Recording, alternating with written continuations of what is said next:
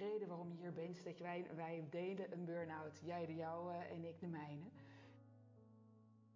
Wat ik in het begin van die burn-out heel moeilijk vond, vooral in die eerste weken, toen ehm, zei iedereen: Oh, maar je moet gewoon lekker leuke dingen gaan doen. Flikker op, wees lief voor jezelf. Ik kan daar niks mee. Dan is gewoon dit op dit moment niet de plek.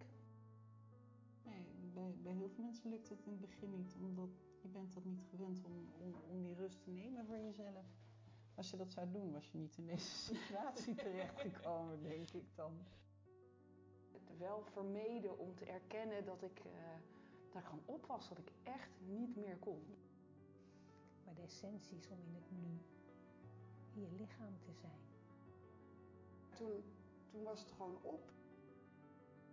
Hoezo val ik om en iedereen om me heen kan het wel en ik kan het niet? En ik voelde me ook heel, uh, heel echt een slappeling voelde ik me. Ja, dan durfden mijn collega's niet, uh, niet weer mee op te zadelen. Dus uh, toen ben ik maar gewoon doorgegaan. Het is wat het is. Als het dan anders loopt, ja, dat scenario heb ik nog niet bedacht. Dus hoe moet dat dan? Omdat je echt zo in je hoofd leeft en geen kant meer op kan.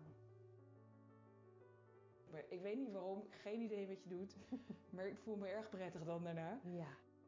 En daardoor kreeg ik heel erg het gevoel van, nou die burn-out, weet je, daar ben ik in een maand overheen. Niet wat er uit je mond komt, want dat is zo vaak bullshit. Toen die eerste keer dat ik bij jou kwam, had ik natuurlijk geen idee. Ik ben de ondertiteling. Ja, ja exact. Dat is eigenlijk ja. wat, wat ik zeg, wat ik zie.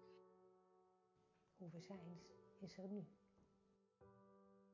Maar na een paar maanden zei ik: Nou, dat hoop ik niet. Ik hoop het ook nooit meer te worden, die oude.